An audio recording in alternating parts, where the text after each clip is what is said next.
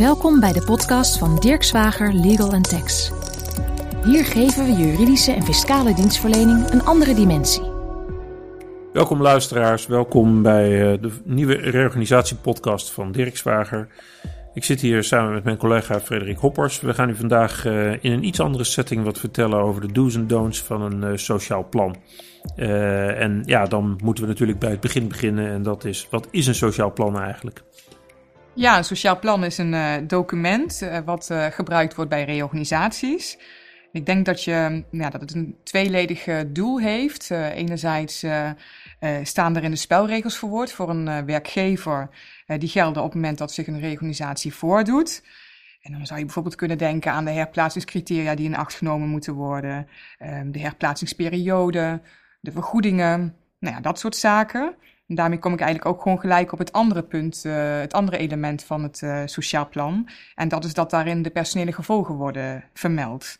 En ik noemde al die vergoeding, maar dat zou ook bijvoorbeeld uh, kunnen zien op mobiliteitsbevorderende maatregelen, zoals outplacement.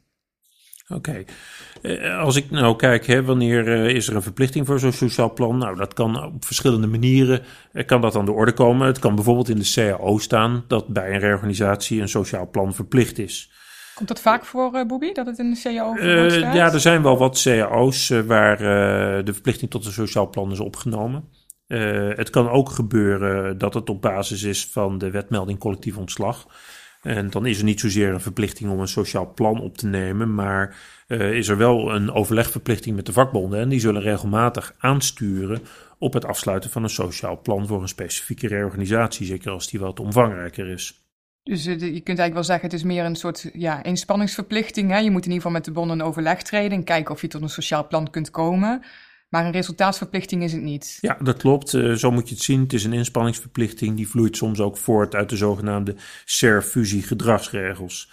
Um, nou ja, los van verplichtingen is natuurlijk uh, best wel belangrijk. Uh, Zo'n sociaal plan kan draagvlak creëren voor een organisatie. Als de mensen weten waar ze aan toe zijn, uh, dat er ook bepaalde incentives voor hun in zitten, dan kan dat een heel traject soepeler laten lopen. En kan ook betekenen dat bijvoorbeeld je medezeggenschapsorgaan sneller bereid is om een positief advies te geven over een uit te voeren reorganisatie. Ja, ik denk inderdaad uh, dat je de impact van een sociaal plan, in ieder geval de toegevoegde waarde, zeker niet uh, moet onderschatten. En dat je het ook met name vanuit die invalshoek moet benaderen. Niet zozeer vanuit dat het een verplichting is, maar dat het juist heel veel toegevoegde waarde binnen je organisatie uh, kan bieden. Um, maar moet zo'n werkgever um, dat altijd met, met de vakbonden overeenkomen? Of, of je nou noemde ja. zelf ook al de ondernemingsraad. Ja, ja, nee, ja, goed, dat ligt er een beetje aan. je hebt daar verschillende smaken in in principe een sociaal plan waar je iedereen aan wilt uh, binden.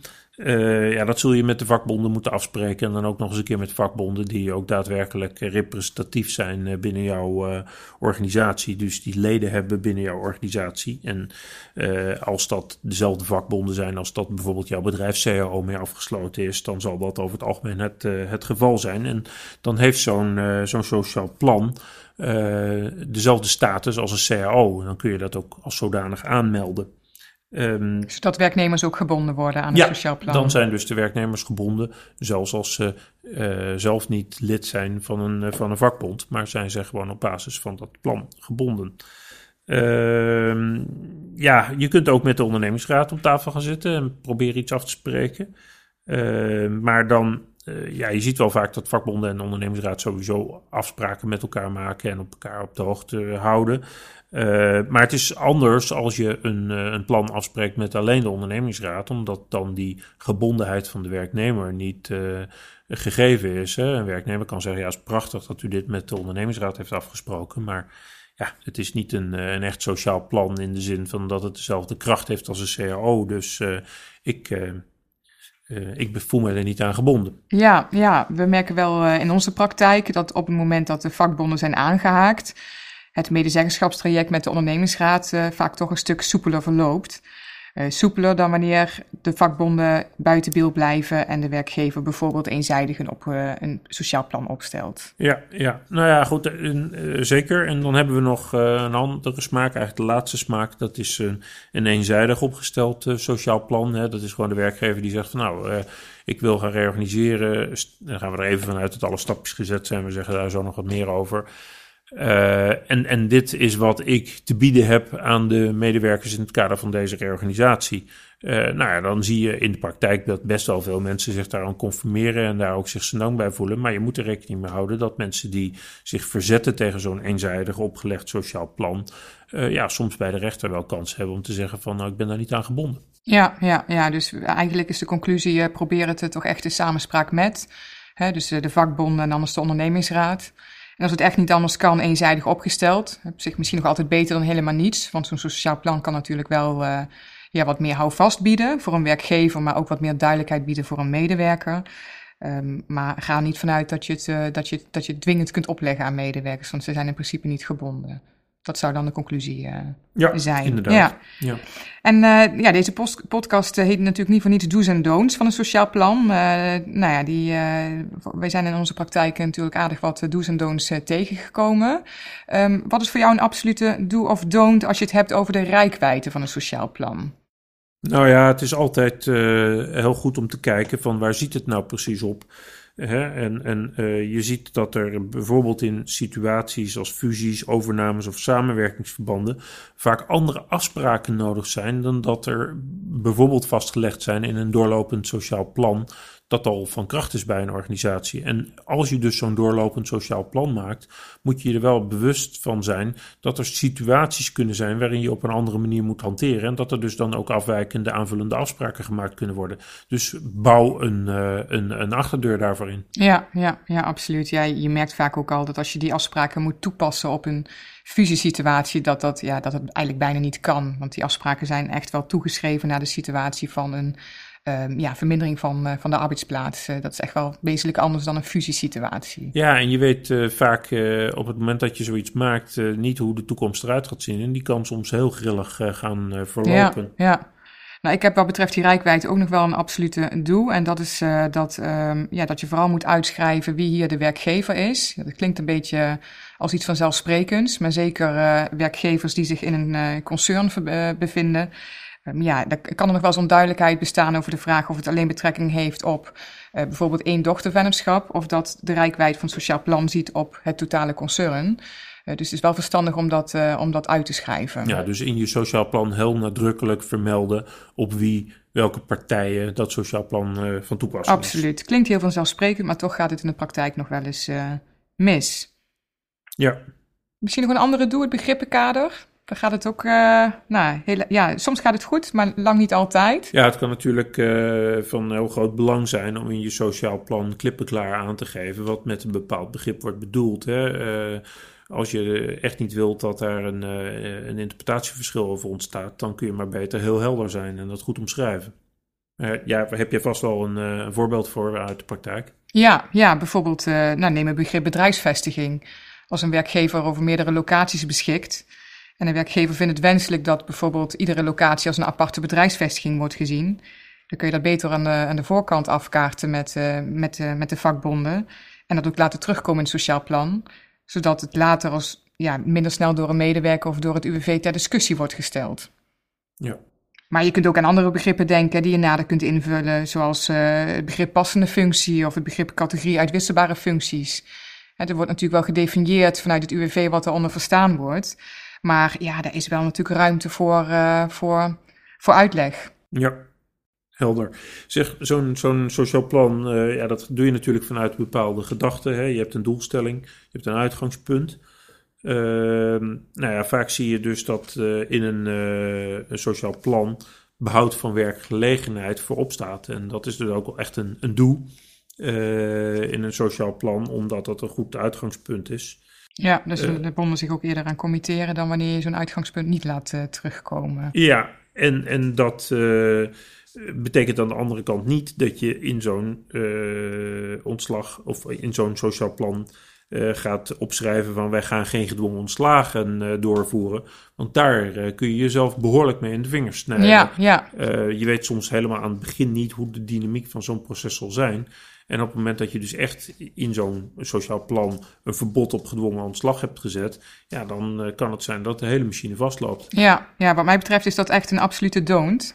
Um, zeker als het gaat om een doorlopend sociaal plan omdat je dan eigenlijk op voorhand ook heel lastig kunt inschatten of je zo'n toezegging van geen gedwongen ontslagen kunt doen.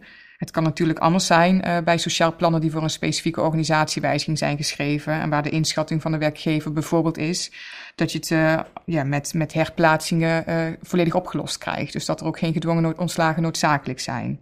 Dan kan ik me voorstellen dat de werkgever zo'n toezegging toch zou kunnen doen. Ja, zeg Frederik, je ziet in een sociaal plan nog wel eens dat er sprake is van meerdere fasen. Zogenaamde vrijwillige fase en een gedwongen fase. Wat vind jij daar nou van? Ja, ik heb daar een beetje gemengde gevoelens uh, over. Um, ik, ik, begrijp het. Je moet het eigenlijk zo zien. Die vrijwillige fase is echt bedoeld um, um, als, als fase voorafgaand aan een, een boventalligheidssituatie. Uh, waarbij nou ja, de intentie is om medewerkers uh, vrijwillig uh, te laten afvloeien. Zodat uiteindelijk misschien die gedwongen fase niet eens aan de orde komt. Of slechts ten aanzien van een beperkt aantal medewerkers. Dus het idee is, is, is, is, is, is goed, denk ik. Hè. Daarmee voorkom je juist uh, het scenario van een gedwongen ontslag. Alleen als dat betekent dat je daarmee de reorganisatie um, onnodig lang laat voortduren, dan heb ik daar mijn twijfels bij. Dat zal ik, wel, dat zal ik even toelichten. Um, denk aan een situatie waarin je eigenlijk al op zeer korte termijn de boventalligheid verwacht. Maar het sociaal plan je dwingt om eerst bijvoorbeeld een half jaar vrijwillige fase te hanteren voordat je de boventalligheid kunt, uh, kunt laten gelden. Dus voordat je de gedwongen fase ingaat. Ja, dan, dan leidt het natuurlijk wel tot een hoop vertraging in je reorganisatie als je een sociaal plan je ertoe gecommitteerd hebt of eraan gecommitteerd hebt om een vrijwillige fase eerst uh, te doorlopen. Dus het kan ook wel behoorlijk de rem erop zetten. Ja, dan heb je eigenlijk een tijdje een soort surplus.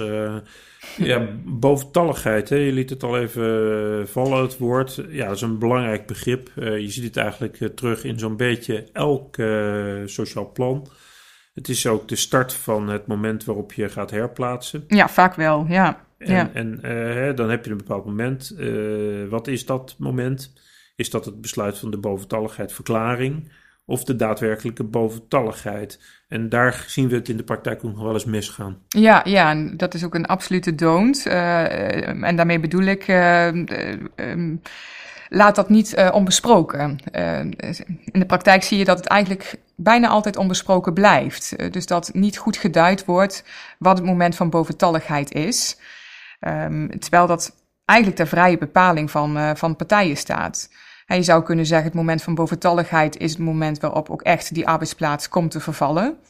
dus dat er feitelijk ook geen werk meer is voor die medewerker. Maar je zou ook kunnen zeggen dat de boventalligheid aan de orde is op het moment van de besluitvorming van de boventalligheid. dus op het moment van het besluit tot boventalligverklaring. Ja, en dat zijn echt van die strategische beslissingen waarbij we de luisteraar ook wel uh, kunnen helpen. Uh, ja, als zeker. ze daarmee uh, ja, ja. kampen met vragen daarover. Ja, ja. Kijk, het kan natuurlijk zo zijn dat dat nu al vaststaat dat over een jaar iemands arbeidsplaats niet meer bestaat. Dan is het wel een beetje zuur als pas over een jaar de herplaatsingsperiode gaat lopen, terwijl je nu al zeker weet dat die boventalligheid uh, aan de orde komt. Dan zou ik eerder zeggen van, nou benut die tijd goed en ga eerder met die herplaatsing aan de slag, als je toch al zeker weet dat op termijn die boventalligheid uh, ja, een gegeven is. Althans, het verval van die arbeidsplaats een gegeven is. Ja. Dus daar kun je inderdaad zeker wel wat mee spelen. Dus dat is, uh, ja, volgens mij behoeft dat meer aandacht uh, in een sociaal plan. Oké, ja, je noemde een ander begrip wat uh, eigenlijk ook altijd standaard terugkomt in, in sociaal plan, het herplaatsingsbegrip. Ja, ja. ja, ook daarvoor geldt weer dat er best wel veel, veel maatwerk mogelijk is. Um, want ja, het is, het, is niet, het is niet een beton gegoten hoe lang zo'n herplaatsingsperiode dan moet, moet duren. Um, en je kunt je ook afvragen van, ja, ga je dat in beton gieten? ik zie bijvoorbeeld best vaak terugkomen een herplaatsingsperiode of een mobiliteitsperiode van 12 maanden. En voor de ene situatie is dat misschien een prima periode. Voor een andere situatie zou je misschien kunnen zeggen, ja, dat is eigenlijk veel te lang. Hè, want het betreft hier een functie waarvan je eigenlijk nu al zeker weet dat die medewerker binnen de organisatie niet herplaatst zal kunnen worden. Dus ja, ook hier juich ik meer maatwerk binnen een sociaal plan echt wel toe. Ja, dus je zegt van hè, uh, probeer gewoon de, de middelen die je tot je beschikking hebt en waarbij je flexibiliteit hebt, ook maximaal flexibel in te zetten. Ja, desnoods spreek je een marge met elkaar af. Hè? Dus uh, zes tot twaalf maanden maar in een doorlopend sociaal plan. Maar op het moment dat zich een concrete organisatiewijziging voordoet, dat je opnieuw met de bonden overleg treedt om de exacte periode vast te stellen. Dan behoud je voor jezelf meer mogelijkheden om maatwerk toe te passen op het moment dat de specifieke organisatiewijziging zich voordoet. Ja, hey, en als we het dan toch over herplaatsing hebben, dan is natuurlijk ook de, de volgorde waarin je mensen herplaatst van belang. Uh, dan komt altijd onvermijdelijk aan de orde van welk criterium moet je toepassen op het moment dat er meerdere kandidaten zijn die voor één plekje gaan. Ja, ja. Ja, en het, het, het, mooie daarvan is wel weer dat, dat ook hier wel weer wat mogelijkheden bestaan. Uh, want dat criterium staat op zich ter vrije bepaling ook weer van partijen. Uh, in oude sociaal plannen zie je bijvoorbeeld een herplaatsingsvolgorde terug op basis van anciëniteit. Dus dan worden de medewerkers met het langste dienstverband het eerst herplaatst. Maar dat is best wel achterhaald, ook omdat we tegenwoordig het zogenoemde afspiegelingsbeginsel kennen wat betreft het vaststellen van de boventalligheid. Dus je zou er ook voor kunnen kiezen om datzelfde beginsel toe te passen bij het hanteren van een herplaatsingsvolgorde. Maar het hoeft niet. Je kunt net zozeer herplaatsen op basis van geschiktheid. Mits je maar vooraf vaststelt hoe, hoe, hoe je iemands geschiktheid beoordeelt. Dus daar moet wel een objectiviteit in, uh, in schuil gaan. Maar je hebt er dus keuzemogelijkheden in. Maar dan is het dus wel echt heel erg belangrijk dat je voor jouw onderneming de goede keuze maakt en dat je die keuze ook expliciteert in het sociaal plan. Ja, dus ook daar zit eigenlijk veel meer beleidsvrijheid dan menig ondernemer zich misschien in eerste instantie realiseert. Absoluut, ja. En, en dat geldt denk ik ook voor uh, ja, wat je op kunt leggen aan mensen, uh, wat er tijdens die herplaatsingsperiode moet gebeuren. Want je kunt natuurlijk wel hebben dat een halve bedrijf met de armen over elkaar uh, naar buiten zit te staren, maar daar worden de meeste ondernemers niet blij van. Dus ja, er zijn er ook mogelijkheden om mensen tijdelijk uh, werk te geven, wat je onder normale omstandigheden misschien niet zou kwalificeren als passend werk. Uh, en, en kun je ze ook detacheren. Uh, volgens mij kun je dit soort zaken ook goed in een sociaal plan afspreken. Zeker, en dan kun je in ieder geval die periode optimaal benutten. Dan zul je natuurlijk ook wel moeten toezeggen dat het niet ten koste mag gaan van de mobiliteitsbevorderende maatregelen. Dus als iemand de gelegenheid heeft om te solliciteren, ja, dan moet je niet zeggen van je kunt niet solliciteren, want je moet hier een tijdelijk klusje verrichten. Dus dat werkt natuurlijk wel twee kanten op. Maar het verdient zeker aanbeveling om daarover ook iets te regelen in het sociaal plan. Um, ik zie ook nog wel eens uh, dat het ook terugkomt in het sociaal plan. Maar tegelijkertijd wordt daar vaak een opschortende werking van de herplaatsingsperiode aan verbonden. Ja, volgens mij is dat er nou eentje die je echt niet moet doen. Nee, dat lijkt mij ook niet noodzakelijk. Ik bedoel, het hoeft echt niet te betekenen dat, dat daarmee um, geen invulling kan worden gegeven aan bijvoorbeeld sollicitatieverplichtingen. Nee, want als iemand een tijdelijke klus doet, dan kan het heel vaak prima samengaan met solliciteren. Uh, maar ook als iemand ziek is, ja, hoeft dat niet te betekenen dat alles gewoon stop komt te staan. Nee, nee. En als iemand een tijdelijke klus verricht, dan kan dat denk ik juist bijdragen aan je arbeidsmobiliteit. Het lijkt me beter dan stilstand. Ja. Nou ja, iets anders wat natuurlijk uh, belangrijk is in het kader van herplaatsing is, ja, wanneer houdt het op? Hè? Ergens is er natuurlijk een voldoende inspanning geleverd. Volgens de wet is dat al vrij snel het geval. Hè? Als je tijdens de opzegtermijn uh, in herplaatsingsinspanning hebt verricht. Maar in een sociaal plan zie je daar vaak wat ruimere mogelijkheden voor. Maar je moet wel ergens markeren wanneer uh, je dus uh, daadwerkelijk de ontslagprocedure in gang gaat zetten. En ja. dan komt ook wel aan de orde van speelt de opzegtermijn daar nog een rol bij? Ja, nou ja, voor sommige werknemers, hè, afhankelijk van hoe lang je in dienst bent, maar dat kan best wel een behoorlijke opzichttermijn zijn. Dat kan oplopen tot uh, nou, meestal vier maanden, in het, uh, in het geval van medewerkers met een zeer lang dienstverband. Uh, en dan, dan, dan kan het dus echt wel zinvol zijn om al lopende de herplaatsingsprocedure een ontslagprocedure in gang te zetten. Daarmee kun je in ieder geval wat tijd winnen. Maar als je daarover dus niets regelt in het sociaal plan, dan kan ik me goed voorstellen dat die, dat die medewerker bepleit dat je pas mag starten met de ontslagprocedure op het moment dat de herplaatsingsperiode volledig doorlopen is. Dus ook hiervoor wel weer een doel. Uh, wil je eerder groen licht krijgen voor een ontslagprocedure, dan zul je daarover wel iets moeten regelen in het sociaal plan. Bijvoorbeeld dat je al tijdens de herplaatsingsprocedure een ontslagprocedure in gang zou mogen zetten, als op dat moment al blijkt dat er binnen die periode niet herplaatst kan worden. Ja. Dan hoef je in ieder geval niet af te wachten. Ja. Helder. Ik, uh, ja, ze, ze, hebben zo'n spreekwoord hè, dat je met stroop meer vliegen vangt dan met azijn. Maar in een uh, uh, sociaal plan zie je ook heel vaak een vrijwillige vertrekregeling terug. Vaak bestaande uit de financiële prikkel. Nou, dat kan heel verstandig zijn, want als je daarmee de hele termijn enorm kunt bekorten, kan dat per saldo natuurlijk een hele lucratieve oplossing zijn om mobiliteit te creëren. Ja, ja, ja. En dat, dat kan dus ook betekenen dat er potentieel meer een hogere vergoeding in het sociaal plan terugkomt dan bijvoorbeeld de wettelijke transitievergoeding. En wil je iets van een prikkel kunnen inbouwen, dan kan ik me voorstellen dat het dus op een hoger bedrag uh, neerkomt. Uh, maar daarvoor geldt ook wel weer een absolute uh, doel. zorg ervoor dat je een escape voor jezelf inbouwt. Um, Zo'n vrijwillige vertrekregeling, het is leuk. Hè? ik bedoel, je creëert het ook om ervoor te zorgen dat je gedwongen ontslagen kunt voorkomen. Maar het is natuurlijk niet de bedoeling dat straks uh, driekwart van je personeel uh, verdwijnt. Je moet wel zorgen dat je zelf aan de knoppen blijft zitten. En dus altijd het laatste woord hebt of je het toekent of niet. Ja, het kan zijn dat te veel mensen daar gebruik van willen maken. Of het kan zijn dat in zijn totaliteit het juist te dure mensen zijn die daarvan gebruik willen maken. Waardoor je onvoldoende budget hebt om ook daadwerkelijk die regelingen te kunnen bieden. Dus je moet altijd wel iets van een escape inbouwen. Ja. en dat geldt eigenlijk ook wat betreft uh, die hoogte van die vergoeding. Die kan best wel oplopen naarmate men iemand langer in dienst is. En zeker als aansluiting wordt gezocht bij bijvoorbeeld een transitievergoeding. Um, maar houd ook rekening met een zogenoemd pensioenplafond. Um, ik weet niet of je dat nog kunt herinneren, Boebi, maar het gedoe met de belastingdiensten in het verleden, dat uh, met name de oudere medewerkers gebruik maakten van een vrijwillige vertrekregeling. Ja, daar is natuurlijk enorm over geprocedeerd. Ja, en, uh, ja, ja, ja, En daar zaten oudere medewerkers bij die per saldo meer kregen dan wat ze zouden hebben verdiend uh, als ze gewoon in diensten zouden ge zijn gebleven tot een AOW-leeftijd. Dus ik zou wel altijd zeggen, het kan niet meer zijn dan datgene wat je had gekregen als je in dienst zou zijn gebleven tot de AOW. Ja, en dan heb je natuurlijk wel altijd dat je bij dit soort dingen, op het moment dat het speciale groepen betreft, altijd ook moet gaan kijken of je niet aan leeftijdsdiscriminatie doet. Ja, ja, nee, dan moet je inderdaad wel bedacht zijn. Dus uh, je moet goed kijken naar, uh, naar hoe je dat inricht in, in het sociaal plan. Maar op zichzelf geldt wel voor een sociaal plan, voor een vrijwillige vertrekregeling. Uh, je bent bijvoorbeeld niet verplicht om aansluiting te zoeken bij een transitievergoeding, die overigens geen pensioenplafond kent. Het, biedt ruimte voor, voor, voor een andere invulling. Dus je kunt ook zeggen, ik ga uit van een transitievergoeding, maar ik bouw wel een zeker plafond in door te zeggen dat het niet meer kan zijn dan een inkomstenderving tot AOW-leeftijd. Ik denk dat dat ook nog wel te rechtvaardigen valt, maar de formulering luistert wel heel nauw. Ja, ja Frederik, eh, jij bent natuurlijk hier de specialist op het terrein van pensioenen. Maar wat we wel vaak zien is dat in sociaal plannen relatief weinig uh, aandacht wordt besteed aan pensioenoplossingen, terwijl daar vaak ja, toch hele mooie oplossingen maakbaar zijn. Ja, die dus absoluut. voor de werknemers goed zijn, maar ook voor de werkgever goed zijn. Ja, wat mij betreft een absolute doel. Ik kom het veel te weinig tegen, die pensioenoplossing in het sociaal plan. Ik heb het laatst nog aangekaart bij KLM. Veel te weinig mensen die gebruik maakten van een vrijwillige vertrekregeling.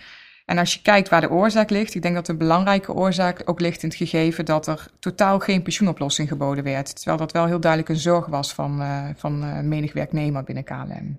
Ja, nou wie weet luisteren ze. Ja, zou mooi ja, zijn. Ja. ja. Um, ja, een ander onderwerp bij eh, dit vrijwillig vertrek is: uh, doe je dat dan uiteindelijk doordat er opgezegd wordt, of besluit je dan toch uh, nog een, een overeenkomst? hoe ga je dan om met de opzegtermijn? Ja, ja, dat zul je gewoon in sociaal plan moeten regelen. ik, ik, ja, ik, het is goed dat je het aanstipt, Boebie. Ik denk dat het met name van belang is dat je, dat je ook regelt hoe het dan eindigt. Hè? Dus dat helder is of die werknemer zelf moet opzeggen, of dat uitgangspunt is een beëindiging met WZ's goed vinden. Zelf opzeggen kan natuurlijk, maar dan moet die medewerker wel weten dat hij daarmee zijn WW-uitkering op het spel zou kunnen zetten. Dus dat is wel even belangrijk. Ja, dankjewel Frederik. Eh, luisteraars, hiermee zijn we gekomen aan het einde van deze podcast over de do's en don'ts bij een sociaal plan. We hopen dat u uh, er veel van opgestoken heeft. En natuurlijk hopen we ook dat u bij onze volgende podcast in deze reorganisatiereeks weer zult aanschuiven. Uh, de zevende podcast in deze reeks gaat over de aandachtspunten bij een vaststellingsovereenkomst. Dirk Zwager Legal Tax, podcast.